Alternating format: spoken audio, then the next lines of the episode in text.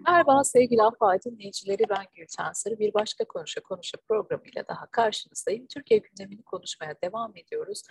E, bugün en sıcak gündem olarak e, Kastamonu'da meydana gelen ve çok sayıda can kaybının yaşandığı Kastamonu'daki seli konuşacağız. E, yine Afganistan'dan Türkiye'ye yönelen göç dalgasını konuşacağız. Sınırlardan çok sayıda Afgan akın akın geçmekte ve gruplar halinde görüntülenmekte. Yine Türkiye'nin Taliban'la birlikte diyelim Afganistan'da üstleneceği yeni role değineceğiz. Sadece Kabil Havalimanı mı korunacak yoksa Türkiye Taliban'la Afganistan'da derin bir işbirliğine mi gidiyor? Bunu masaya yatıracağız elbette. Bir konuğum var. siyaset bilimci ve antropolog Yektan Türk Yılmaz. Yektan Bey hoş geldiniz yayına. Hoş bulduk Gülten Hanım. Türkiye gündemi o kadar hızlı akıyor ki Ekten Bey'i takip etmekte hepimiz zorlanıyoruz. Siz e, az önce sohbetimizin e, ekranlara yansımayacak kısmında dediniz ki masaya oturuyorsunuz bir şeyler yazmak için e, kalem elinize alıyorsunuz bir bakmışsınız konu eskimiş. Öyle baş döndürücü bir gündem var. Gazeteciler olarak ya da siyaset bilimciler olarak yetişmesi de elbette zor bir yerden sonra takip etmekte zorlanıp e, yetişemiyorum deyip pes edilen noktalar da oluyor ama biz yine bu sıcak konuları masaya yatırmaya çalışacağız. E, ben Afgan gücünden başlamak istiyorum. E, burada kafalar çok karışık. Kimileri diyor ki gelenler işte cezaevlerinden salınan e, erkekler e, ve belli bir amaçla buraya gönderiliyorlar. Taliban destekçileri deniliyor. E, kimileri de diyor ki hayır bu insanlar savaştan kaçıyorlar çünkü Taliban'ın neredeyse başkent Kabil'e kadar geldiğini biliyoruz. E, yakın zamanda belli ki yönetimi ele geçirecek ABD ile yapılan anlaşma doğrultusunda. E, bundan kaçan insanlar deniyor. Kimileri diyor ki neden yanlarında eğer savaştan kaçan insanlarsa kadın ve çocuklar yok diyorlar. Siz e, bu kontrolsüz gücü e, siyasetin e, bir e, kararı olarak mı yorumluyorsunuz yoksa kontrol edilemeyen bir unsurla mı karşı karşıyayız? Şimdi o istiyorsanız bir başkasının yorumunuza ilişkin değinme ve hatta e, ifadenize ilişkin bir ben de bir ekte bulunayım. Tabii, Gerçekten buyurun. Türkiye'de Türkiye'yi anlamanın şu anda yani son e, özellikle e, 15 Temmuz'dan bu yana olan Türkiye hatta 14 e, o e, 17-25 Aralık'tan bu yana kadar Türkiye anlamanın zorluğu zorluğu e, ardı ar arkası gelmeyen her birisi şok edici e, olaylar, e, skandallar, afetler, felaketler e, serisinden oluşması ve bu gerçekten Türkiye değerlendirmeyi Türkiye uzmanlarının çok zorlayan bir durum bence ve birçoğunda da arazlar bırakıyor tahlillerinde. Çünkü e, her bir seferinde bir olay üzerinden anlamaya çalışılıyor e, ve e, bu sersemletici bir etki yapıyor. Yani Türkiye gerçekten biraz e, mesafe alıp e, bu seriyi okumaya çalışmak, olayları tek tek okumaya çalışmak değil, seriyi okumaya çalışmak gerekiyor. Şimdi bu e, göçmenlik meselesine ben genel bir şey söylemek istiyorum. Çok genel bir şey söylemek istiyorum. E, ilk başta Türkiye'ye hiçbir göçmen rastsal gelmiyor. Tesadüfen göçmen gelmiyor Türkiye. Mülteci de gelmiyor. Sığınmacı da gelmiyor. Türkiye'ye bir yerden bu dediğim kategorideki insanlar geliyorsa Türkiye oranın içlerine mutlaka burnunu burnunu sokmuştur. Elini sokmuştur bu yani karışmıştır oranın meselelerine. Asker göndermiştir. E, taraf olmuştur. Kışkırtmıştır bu yönetim. E, e, camisinde mi namaz kılacağız demiştir. E, oralar bizim demiştir e, üst kuracağız demiştir. Somali'den tutun, Sudan'dan tutun, Suriye'ye, Afganistan'a bu gelişmeyen, değişmeyen bir durum. Yani dolayısıyla bu konuda tepkisi olanlar, yani Türkiye ne için e, göçmenler, mülteciler, sığınmacılar için bir e, e, merkeze dönüştü diye soranlar bunu bu soruyu e, çaresizlikle bu memlekete gelen, bu ülkeye gelen göçmenlere, mültecilere değil, kendi başla, ülkenin başındaki iktidara sormak durumundadır. Çünkü e, bu tesadüf olmasını bekleyemezsiniz değil mi? Yani siz nereye gidiyorsa sizin askeriniz, nereye gidiyorsanız siz siyasi olarak nereye e, elinizi burnunuzu sokuyorsanız oradan geliyor. Burada hiçbir şey yok. E, sıkıntı yok. Yani şimdi son Afgan göçü konusunda da tabii ki e, iki şeyi birbirinden ayırt etmek lazım. insanlar bu konuya da burada ne olduğuna bakarak e, bir değerlendirme yapmıyorlar. Korkularını söylüyorlar. Yani mesela bu korkular arasında ben şimdi genel e, korkular değil özellikle muhalif cephedeki korkuları söyleyeyim. Ben bir tanesi benim çok ilgimi çekiyor. O da şu. İşte bunlardan milis kuracaklar. Ee, e, yarın bir gün seçimde vesaire yani bir e, kazanamadıkları vesaire sıran veyahut da Türkiye'de bir iç savaş hazırlığı var. Burada kullanacaklar. O yüzden hep bu erkekler geliyor türü bir şey söyleniyor. İlk başta efendim Türkiye'de Allah muhafaza öyle bir durumda e, bu devlet ne bu devlet yapısının ne bu iktidar yapısının Afganlıya falan ihtiyacı yoktur. Afganın milisine ihtiyacı yoktur. Kimse öyle bir düşünceyle e, kendisini ne korkutsun ne avutsun. Türkiye Cumhuriyeti Devleti'nin hatta şu haldeki bir iktidarın bile bu acize düşmüş, bu tür bir fonksiyon ölümüne doğru giden, e, kaotik işleyen bir devlet yapısının bile maalesef bu gibi şeyleri yapmaya hiç böyle dışarıdan e, ek kuvvet getirmeye ihtiyacı yok. Yapmak için dışarıdan böyle bir ek kuvvet getirmeye ihtiyacı yoktur. E, diğer bir nokta e, bu konuyu yakından izleyen, takip eden e, NGO'larda bu göçmenler üzerine çalışan insanların söyledikleri, bunlar üzerine yıllardır araştırma yapan insanların söyledikleri ters yönde. Şimdi buradan oradan buraya erkeklerin gelmesinin e, çok hem sosyolojik hem siyasi hem ekonomik sebepleri var. Yani o bahsedilen yol e, böyle e, bir e, e, doğa gezintisi e, veyahut da trekking gibi bir şey değil. Bu bayağı insanların kelle koltukta yürüdükleri bir yol. E, e, ikincisi bu yol bedava yürünmüyor. Bunların insanların buraya bir yatırım yapmaları gerekiyor. Tabii ki e, kolayca bu yatırımı e, sonuç alacak hale getirecek bireylerini gönderiyorlar.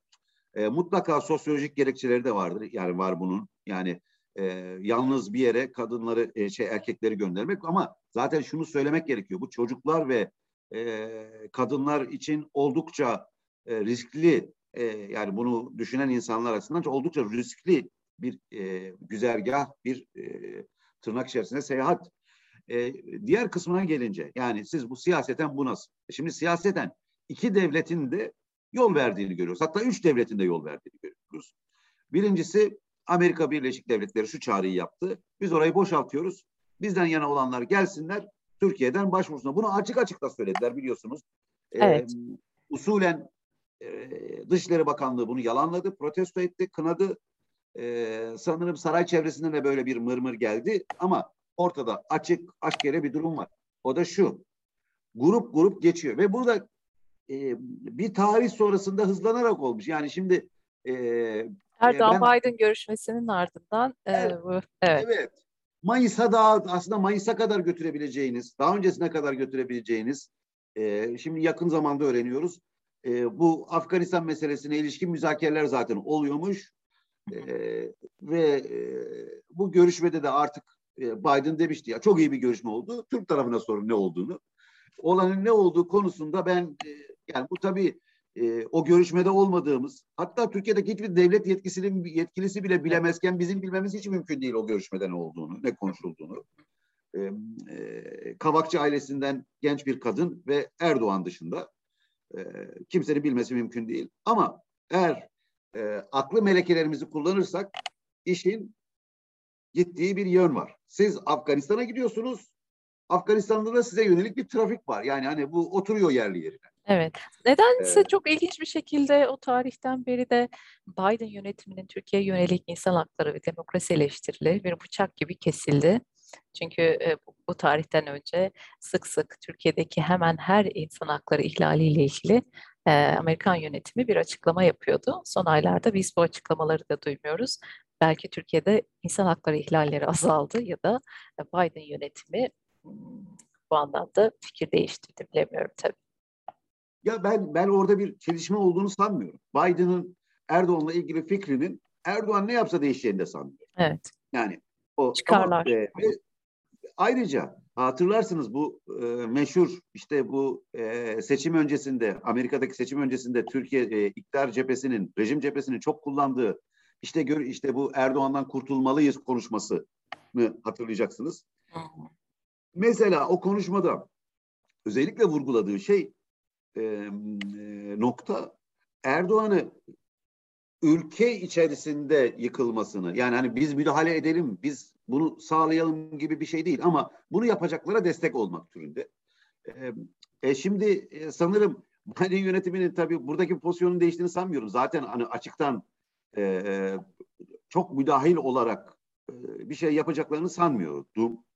Zaten bu tersinde kendileri de e, kendisi de Biden yönetimi de e, önermemişti. Ancak ben Türkiye yönelik yine mesela kritik meseleler gündeme geldiği zaman ABD'nin eleştirilerinin, protestolarının e, devam edeceğini düşünüyorum.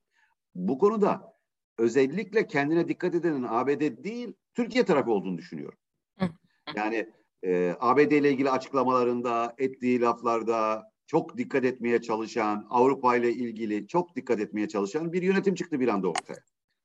e, ama tabii bunu şöyle e, çok aşırı bir noktaya getirip işte Türkiye'de sanki Biden'ın zorladığı bir demokratikleşme varmış gibi bir yere varmanın da ben büyük bir yanılgı olduğunu düşünüyorum. Şunu bir defa büyük harflerle, büyük puntolarla yazalım.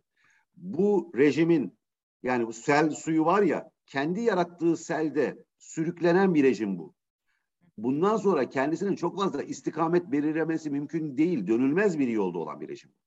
Yani dolayısıyla hani bugün bu rejimden işte bir hukuk açılımı, e, yok efendim demokratikleşme, yok efendim Kürtlerle bilmem müzakere, bir Kürt sorunu çözme çabası falan bu gibi beklentilere girmenin çok beyhude bir e, e, diyelim ki e, beklenti olduğunu düşünüyorum ben. E, çünkü manevra yapabilme vizyonu, kadrosu, e, e, psikolojisi e, olmayan e, niyeti de olduğunu sanmıyorum bu arada. Olmayan bir e, iktidar bloku. Peki Ekten Bey birazcık şöyle şeytanın avukatlığını yapalım. Şimdi e, siz başta da dediniz ki Somali'de, Sudan'da, Afganistan'da yani bölgede Türkiye'ye yakın ya da uzak fark etmiyor. Ne kadar sorunlu e, alan varsa Türkiye orada. Peki Türkiye'nin bu anlamda bu bölgeyi dönüştürücü, demokratikleştirici, e, sorunları azaltıcı, hatta hatta modernleştirici bir etkisi olabilir mi uzun vadede baktığımızda elbette şu an bize e, bu tür bölgelere biz neden gidiyoruz, neden bu sorunları, belaları başımıza alıyoruz yaklaşımındayız toplum olarak. E, belki belki iktidarın vizyonu bu anlamda bizden daha geniş olabilir. Ne dersiniz? Yani bir vizyonları oldu, çok geniş bir vizyonları olduğunu ben tersini söylemeyeceğim. Yani kendilerini e, bir başka bir alemde, başka bir e, hakikat dünyasında gördükleri çok açık. E, çünkü e, buraları bir emperyal rüyanın peşindelerdi. Yani hani e, sonuç itibariyle e, bir tek e, e Erdoğan değil, e, Erdoğan rejimini destekleyen e, e, kimi e, ben kullanmıyorum o tabiri ama Avrasyacı yani pardon Ergenekoncu'yu kullanmıyorum. Avrasyacı klikler de mesela bunu söylüyorlardı. Yani işte ne bileyim biz Türkiye'yi savunmak istiyorsak Hint denizi, Hint okyanusunda bulunmalıyız vesaire gibi. Yani Türkiye'nin savunması Hint okyanusundan başlar gibi. E, yani Türkiye'deki rejim e, çok ilginç bir e, duruma e, girdi aslında 15 Temmuz sonrasında. O da şu. Bir yandan takatsızlaştı. Yani eli ayağı çözüldü. Kadroları gitti, kurumları gitti, her şeyi gitti. Yani hani kudret verecek ne vardıysa gitti. Bir yandan hedefler büyüdü. Yani siz ordunun yüzde kırkını e, e, tasfiye edip hedeflerinizi yüzde 300 büyütür müsünüz? Büyütür, büyütürsünüz gördük, gör, oldu çünkü. Bunun bir açıklamaya ihtiyacı vardır. Yani hani buradaki Türkiye'deki sorun şu. Türkiye'de Türkiye'deki yönetim güç, güçten takattan düştükçe hedef büyüttü. E, bunu ben bir yerlerde yani bunun kendisi kendi başına büyük bir konu. Neden böyle olduğu. E, ben burada çok büyük bir narsistik zehirlenme, kolektif narsistik zehirlenme olduğunu da düşünüyorum. Ektan Bey bu ıslak bir rüya mı? Efendim? Bu ıslak bir rüya mı? Yani e, daha açarsanız yani e, yani, yani gece yatılıp sabah böyle işte kalkıldığında e, görülen ve bir anlamı olmayan rüyalardan bir tanesi o zaman? Yani şöyle söyleyeyim aslında. Um, hani Türkiye, yani eski Türkiye'yi düşündüğünüz zaman eski Türkiye'nin şu çabaların, bu rejimin gösterdiği çabaların e, veyahut da e, aldığı risklerin onda birini almadan sadece ve sadece stratejik çizgisini izleyerek, jeostratejik çizgisini izleyerek yani NATO'nun buradaki temel gücü olarak, Orta Doğu'daki temel gücü olarak davransaydı bugün çok farklı bir durum olmuş olabilirdi Orta Doğu'da. Suriye'deki mesele de çok farklı bir noktaya varmış olabilirdi. Türkiye'nin haritası bile değişmiş olabilirdi. Hı. Kürtlerin siyasi varlığı bile özellikle e, Kuzey e, Suriye'de, Rojava'da mümkün olmayabilirdi. Yani bana sorarsanız niyet, evet niyet gayet ıslak gözüküyor. Ama hakikat kupkuru. Yani hakikat tam tersine. Evet. Yani bu çabalar oldukça o emperyal düşleri de e, fiilen, fiziken besleyecek e, imkanlar ortadan kaldırdılar veyahut da o ihtimalleri berhava etmiş oldular. Hı. Yani Türkiye bunları muhtemelen de öyle çok böyle büyük çatışmalara girmeden, insanlarını DAEŞ'e yaptırtmadan, konsolosluğunu esir düşürtmeden vesaire yapacaktı. Tabii bu konuya girdiğimiz zaman şunu da unutmamak lazım. Bence buradaki strateji Erdoğan'ın çok çizdiği bir strateji değildi. Esas itibariyle Davutoğlu'nun Davutoğlu bir, tre, bir raya koydu Türkiye'yi bence o dönem. Ve oraydan yani orayda çok daha rayın, bütün hizmetin ve hatta işletmenin kalitesi çok vahim düşerek devam etti tren. Hı hı. E, ve bu en son bu pespaye hale geldi. Yani tabii ki e, Davutoğlu'nun öngördüğü daha devlet kontrollü bir süreçti. E, tabii e, en son geldiğimiz noktayı zaten din, e, dinleyicilerimiz de bizden biz, en az bizim kadar takip etmişlerdir, biliyorlardır. E, en sonunda iş cihadistlerin elinde maskara olmaya kadar bağlandı. Yani hani Türkiye cihadist kullanmadı mı? Türkiye İslamcı hep kullandı. Yani bunu birçok şeyde Libya'da böyle ama bunları kullanmıştır yani. Hani bu hayır da eski tarihinde söylüyorum. Yani hani e, yani mesela Kıbrıs'taki e, hani o terminolojide kullanmıştır. O terminolojiyi kullanmaktan da imtina etmemiştir. Yani bu Sünnici, Osmanlıcı terminoloji hep kullanılmıştır. Yani ne bileyim Kıbrıs'taki kendi taraftarı milislerine mücahit demek evet. e, e, veyahut e, işte İskenderun meselesine bu arttırılabilir. Arttırılabilir. Yani Kürtlerle ilgili bu Kerkük, Musul, Kerkük meselesine yani çok arttırılabilir bu örnekler. örnekler. Peki. Ama hiçbir zaman cihatçının elinde Türkiye Cumhuriyeti Devleti'nin maskara olmasını düşünemezsin. Şu anda olan bu rejimin elinde olan şey yani mesela çoğu zaman bu şeyde de oluyor. Kürt kamuoyunda çok yapılıyor mesela. Ee, işte bunlar DAEŞ'le işbirliği yapıyorlar. DAEŞ'i kullanıyorlar. DAEŞ'in arkasında bunlar var. Yani belki onlar iyi senaryolardır.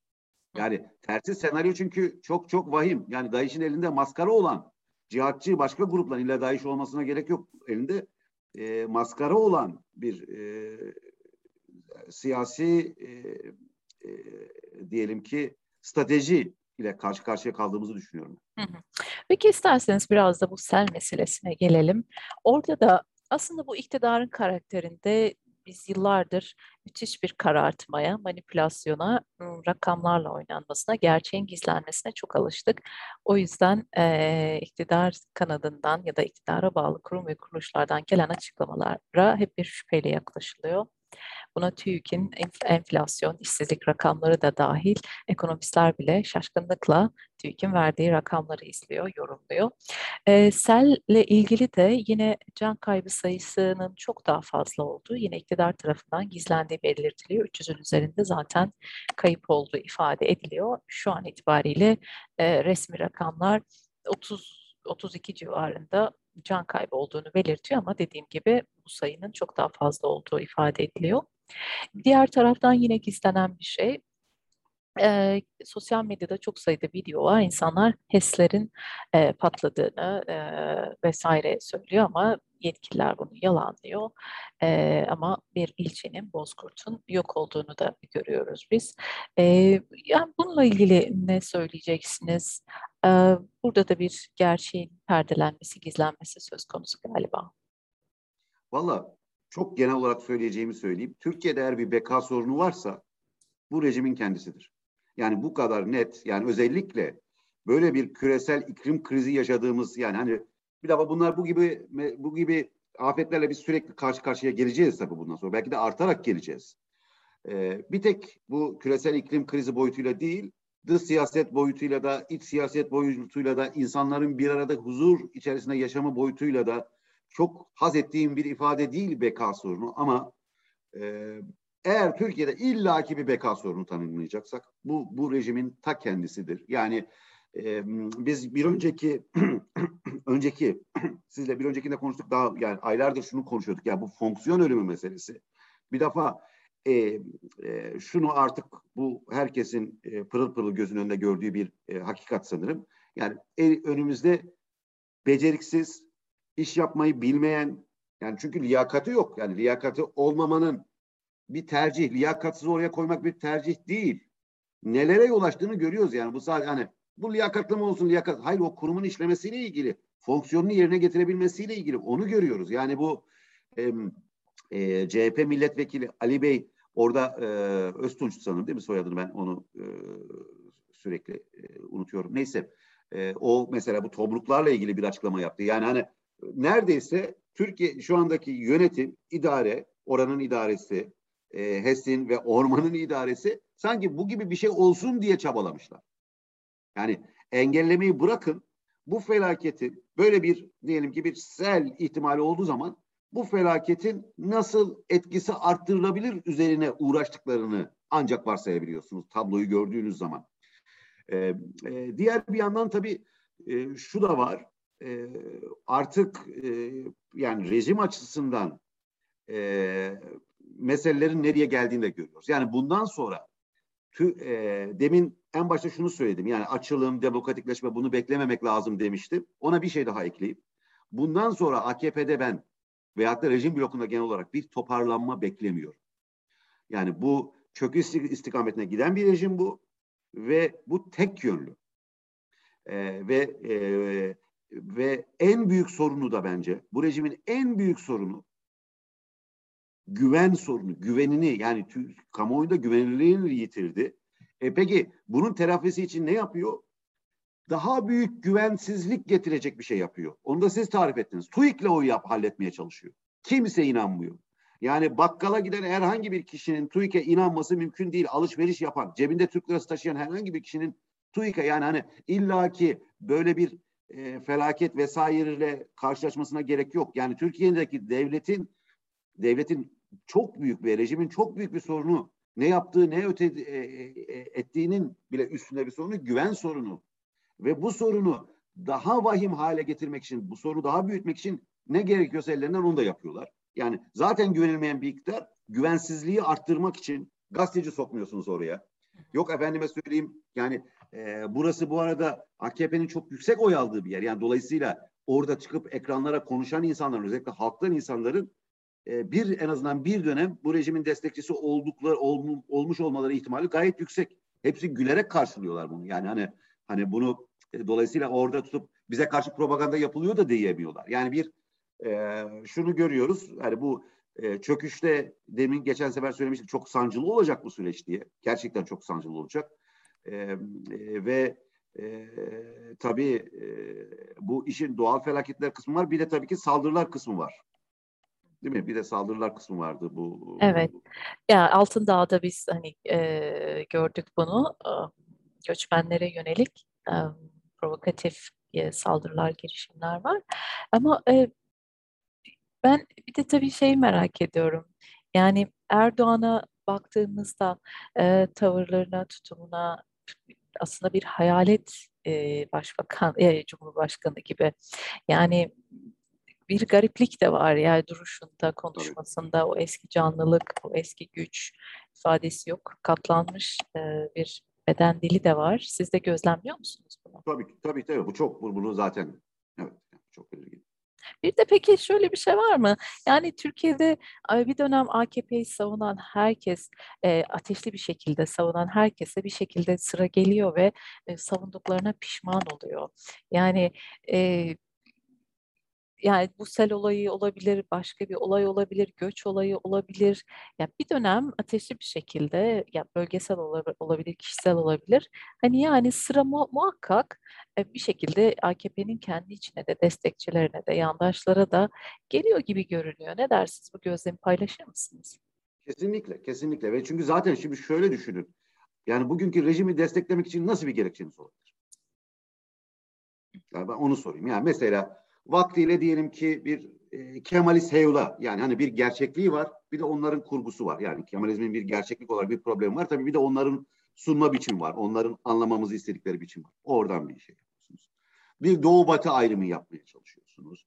İşte efendime söyleyeyim bir İslam. Ya şimdi baktığınız zaman herhangi bir dava diyebileceğiz bir şey yok. Evet. Hadi gelişme kısmına bakın. E Türkiye gelişmiyor da. Ekonomik bilmem o da olmuyor. Yani herkesin artık yani esas itibariyle e, a, etik olarak çürümüş. Yani herhangi bir ideolojik falan bir dava ama üzerine bağlılık kuramayacağınız, iş bilmez, yolsuz, yani e, ve ve çok daha e, bence esas kararları belirleyici olan kazanıyor kazanmıyor olmaması. Kaybeden bir iktidar. Yani, yani bu kopuşların hızlanmasının sebebi. Bir de Türkiye'de bütün bu olup bitenle bence kamplaşma siyaseti, Erdoğan'ın kamplaşma siyaseti çöküyor. Yani ilk kez AKP'den CHP'ye oy geçişleri tespit ediliyor araştırmalarda. Yani AKP yani çünkü daha öncesinde durakları var değil mi? İyi Parti, evet, DEVA evet. vesaire. Yani A, önceden AKP'ye oy verenlerin bugün seçim olsa CHP'ye oy vereceğim diyenleri artık oluşmaya başladı. Evet. Yani bu e, bu bu bu e, Erdoğan'ın çok hoşlandığı manipüle etmekten çok haz duyduğu e, kamplaştırma, polarizasyon siyasetinin de e, bir e, rejim içi tabii polarizasyondan bahsediyoruz. Hı hı. E, bir şeye geldiğini görüyoruz ve yani şunu ben bir kez daha burada söyleyeyim. Yani hep böyle bir kemik tabanı yüzde otuz falan filan. Türkiye'de kemikten oluşan hiçbir şey yoktur efendim. Yakın tarihe bakın. Her şey tuz buz olur. Hı. Yani e, vaktiyle herkes askeriyi kemikten düşünüyor. Sonra herkes cemaati kemikten düşünmeye başladı. Şu anda ya böyle bir kemik falan yoktur Türkiye'de. Türkiye'de kemik pek bulunmaz. Yani burada da e, omurga da yani, pek yok galiba. Yani onu da kastediyorum. Onu da kastediyorum. Yani hani böyle bir yapı var. Evet. Hani bu yapının esas kısmı falan orası çok sıkı gibi bir e, şey bu bu yok bu yani e, ve ben e, belli eşikler aşıldıktan sonra ki bence o eşiklere doğru da hızla gidiyoruz çöküş sürecinde. Belli eşikler aşıldıktan sonra tuz buz olduklarını e, herkes Şahit görecek. Yani nasıl daha önce işte kağıttan kaplanlar olduğunu e, sonradan fark ettiysek çok e, e, diyelim ki yerinden oynamaz taşların veyahut da aktörlerin, kolektif aktörlerin Bence çok benzer bir durumla da burada da karşı karşıya kalacak. Son olarak bu e, göçmenlere yönelik saldırılar ya da göçmenlerle yerel halk arasındaki çatışmalar bunlar birer provokasyon mu yoksa e, toplumsal gerilimin e, kaçınılmaz sonuçları mı? Ne dersiniz? Ya bilmiyorum daha önce konuştuk mu bunu ama yani bu meseleler yani böyle ayaklanmalar etnik riot deniliyor bunlar riot veyahut da anlatabiliyor muyum? Böyle bu tür halk ayaklanmaları, linç kalabalıkları Şimdi dünyada bu konular üzerine çok bir tek Türkiye değil. Yani Türkiye'deki örneklerini de biliyoruz. Maraş, Sivas, e, 6-7 Eylül daha arttırılabilir. E, Trakya tırnak içerisinde olayları, Trakya pogromunları desek daha doğru. E, e, bunun dünyada da benzerleri var. Ve bu dünyada da çok çalışılmış, çok üzerinde araştırma yapılmış konulardan biridir. E, yani bu benim biraz e, e, çalışma alanıma da giren bir konu. Yani toplu şiddet, kolektif e, şiddet. Şimdi bildiğimiz bir şey, net bildiğimiz bir şey. Bu gibi olaylar yapısı olan eylemlerdir. Yani yapısı olan ne demektir? Bir organizasyonel arka planı olan eylemlerdir. Yani kinden, nefretten yüz binler ayaklanmaz. Bir hani siz demin kullandığınız ifade omurgası, bir iskeleti, organizasyonu olan e, olaylardır ve Şimdi özellikle bu işin araştırmacıları boyutuyla söylersem, yani biz son bu Altın Dağ'da e, gerçekten sanki hani derler ya tarih laboratuvarı yoktur falan derler ya. Hani sanki bu meseleler nasıl organize ediliyorun bir şeyini gördük yani laboratuvar çekimini gördük. Hani acaba başka zamanlarda nasıl olmuştu ya merak ediyorsanız bakabilirsiniz. Yani polisin içerideki konumlanışı, halkın nasıl bir yani hani oradaki kimlerin bunu e, organize. Şimdi yalnız bir farkı var. Maraş'tan, Sivas'tan vesaireden bir farkı var. Ee, e, Berat Bey e, sa, e, e, çok manidar bir söz etmişti. At iziyle it izi birbirine karıştı. Şimdi hani Maraş 1978'de biliyorsunuz bu özel harp dairesi, devlet vesaire biliniyor bu çok net. Şu anda Türkiye'de öyle bir at izi, it izi birbirine karışmış durumda ki bir organizasyon var burada. Birileri bu işin içinde. Ama ne, kim, iktidarın ta kendisi mi, rejimin sarayı mı var içinde? Efendime söyleyeyim, yok soylu ekibi var, yok Avrasya. Yani onun artık muğlaklaştığı kimin? Yani zaten şu anda e, yani bu ben bu bir yandan şunu söyledim. Yani geçmiştekilerin nasıl olduğunu en azından biçimsel olarak nasıl olduğunu görüyoruz ama eğer bağlamına koyarsanız ve programını düşünürseniz ve hangi gerilimler etrafında çıktığını düşünürseniz geçmişle pek de benzetilemeyecek bir durum var. Çünkü burada e, işin ilginç tarafı muhalefetin bir kısmının da özellikle İyi Parti'nin özellikle İyi Parti'nin yani CHP'de birkaç tane isim var ama bence CHP çok parti olarak bunun çok arkasında durmadı. Yani haksızlık da etmemek gerekiyor. Yani bu bu şey tavrı çok kışkırtıcı tavrı bir iki isim ancak ama İyi Parti neredeyse e, bir şey olarak e, söyleyin siz bir grup, ekip olarak zaten e, öldürülen gencin e, ailesini de ziyaret etti evet. İyi Parti. Tabii bu öldürülen gencin ailesini ziyaret etmek kötü anlamda söylemiyorum ama belli bir bağlamda bunu yapmak yani göçmenlerin, mültecilerin, Suriyelilerin evleri, iş yerleri talan edildiğinin ertesi günü yapmak bunu bir yere oturuyor tabii ki. Ee, şimdi birincisi bu organizasyonda kimlerin ne ölçüde yer aldıklarını bilmiyoruz. Ben muhalefetteki gelen şeylerin biraz kolaylaştırıcı etkisi yaptığını, o tepkiyi büyüttüğünü düşünüyorum. İktidarınsa bu meseleden çok korktuğunu düşünüyorum. Çünkü faturanın direkt kesildiği kesim iktidar bu göçmenlerle ilgili ne olursa olsun kaçınılmaz bir şekilde iktidar ve iktidar bir yandan şunu da yapamıyor. Yani bu siyasetine bunları yani göçmenlerin buraya gelmesi siyasetine sahip de çıkamıyor. Ee, ve e, nasıl e, başka meselelerde ufacık meseleyi, ufacık bir sorunu çok büyük içinden çıkamaz hale getirdiyse burada da aynı durum, aynı şeyle karşı karşıyayız. Ee, e, ve e, bir yandan polisi önünü açıyor yağmanın talanın, öbür yandan güya engelliyorlar. Yani bir bir bir kafa karışıklığı ama her nasıl ellerini dokundulardıysa, yani neye dokundulardıysa ellerini bu meselede dahil durum çok daha vahimleşiyor, yara çok daha derinleşiyor, kanamaya başlıyor ve hatta belki de e, e, ölümcül sonuçlara doğru gidiyor e, yara, yara sahibine, yara sahibi açısından.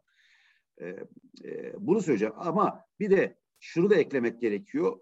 Hani Türkiye'nin ben yakın dönem siyaseti etrafında bunu açıkladım. Yani bu e, Türkiye'nin mülteciler, göçmenler hiç kimse keyfinden kalkıp yu, evinden, yuvasından bir yerlere gitmez. Bir. İkincisi bu gelen insanlar Türkiye'de kalmayı istemiyorlar. Yani bu neyin şeyindeyiz biz? Yani hani istemiyorlar. Hani e, biz e, Avrupa Birliği ile özellikle Merkel'le yapılan bir anlaşma sonucu bu insanlar buraya tıkılmış durumda, ülkenize tıkılmış durumda. Kimse canı gönülden bir yerde oraya yani çok istekli, planlı, programlı orada senin memleketine yerleşmek için gelmiş değiller bu insanlar. Ha şu anda anlaşılıyor ki bunlar gitmeyecekler. E zaten gitmeyecekler. Yani çocukları orada doğmuş, yetişmiş, zaten gitmeyecekler. Evet. Ee, yani bu bir kısmı. Diğer bir kısmı. Efendim şimdi bunlar siyasi meselelerle olan durumlar. Ama Türkiye, bak dünyada bir küresel kriz diyoruz. Küresel iklim krizi diyoruz. Yani bu savaşlardan, gerilimlerden bağımsız zaten.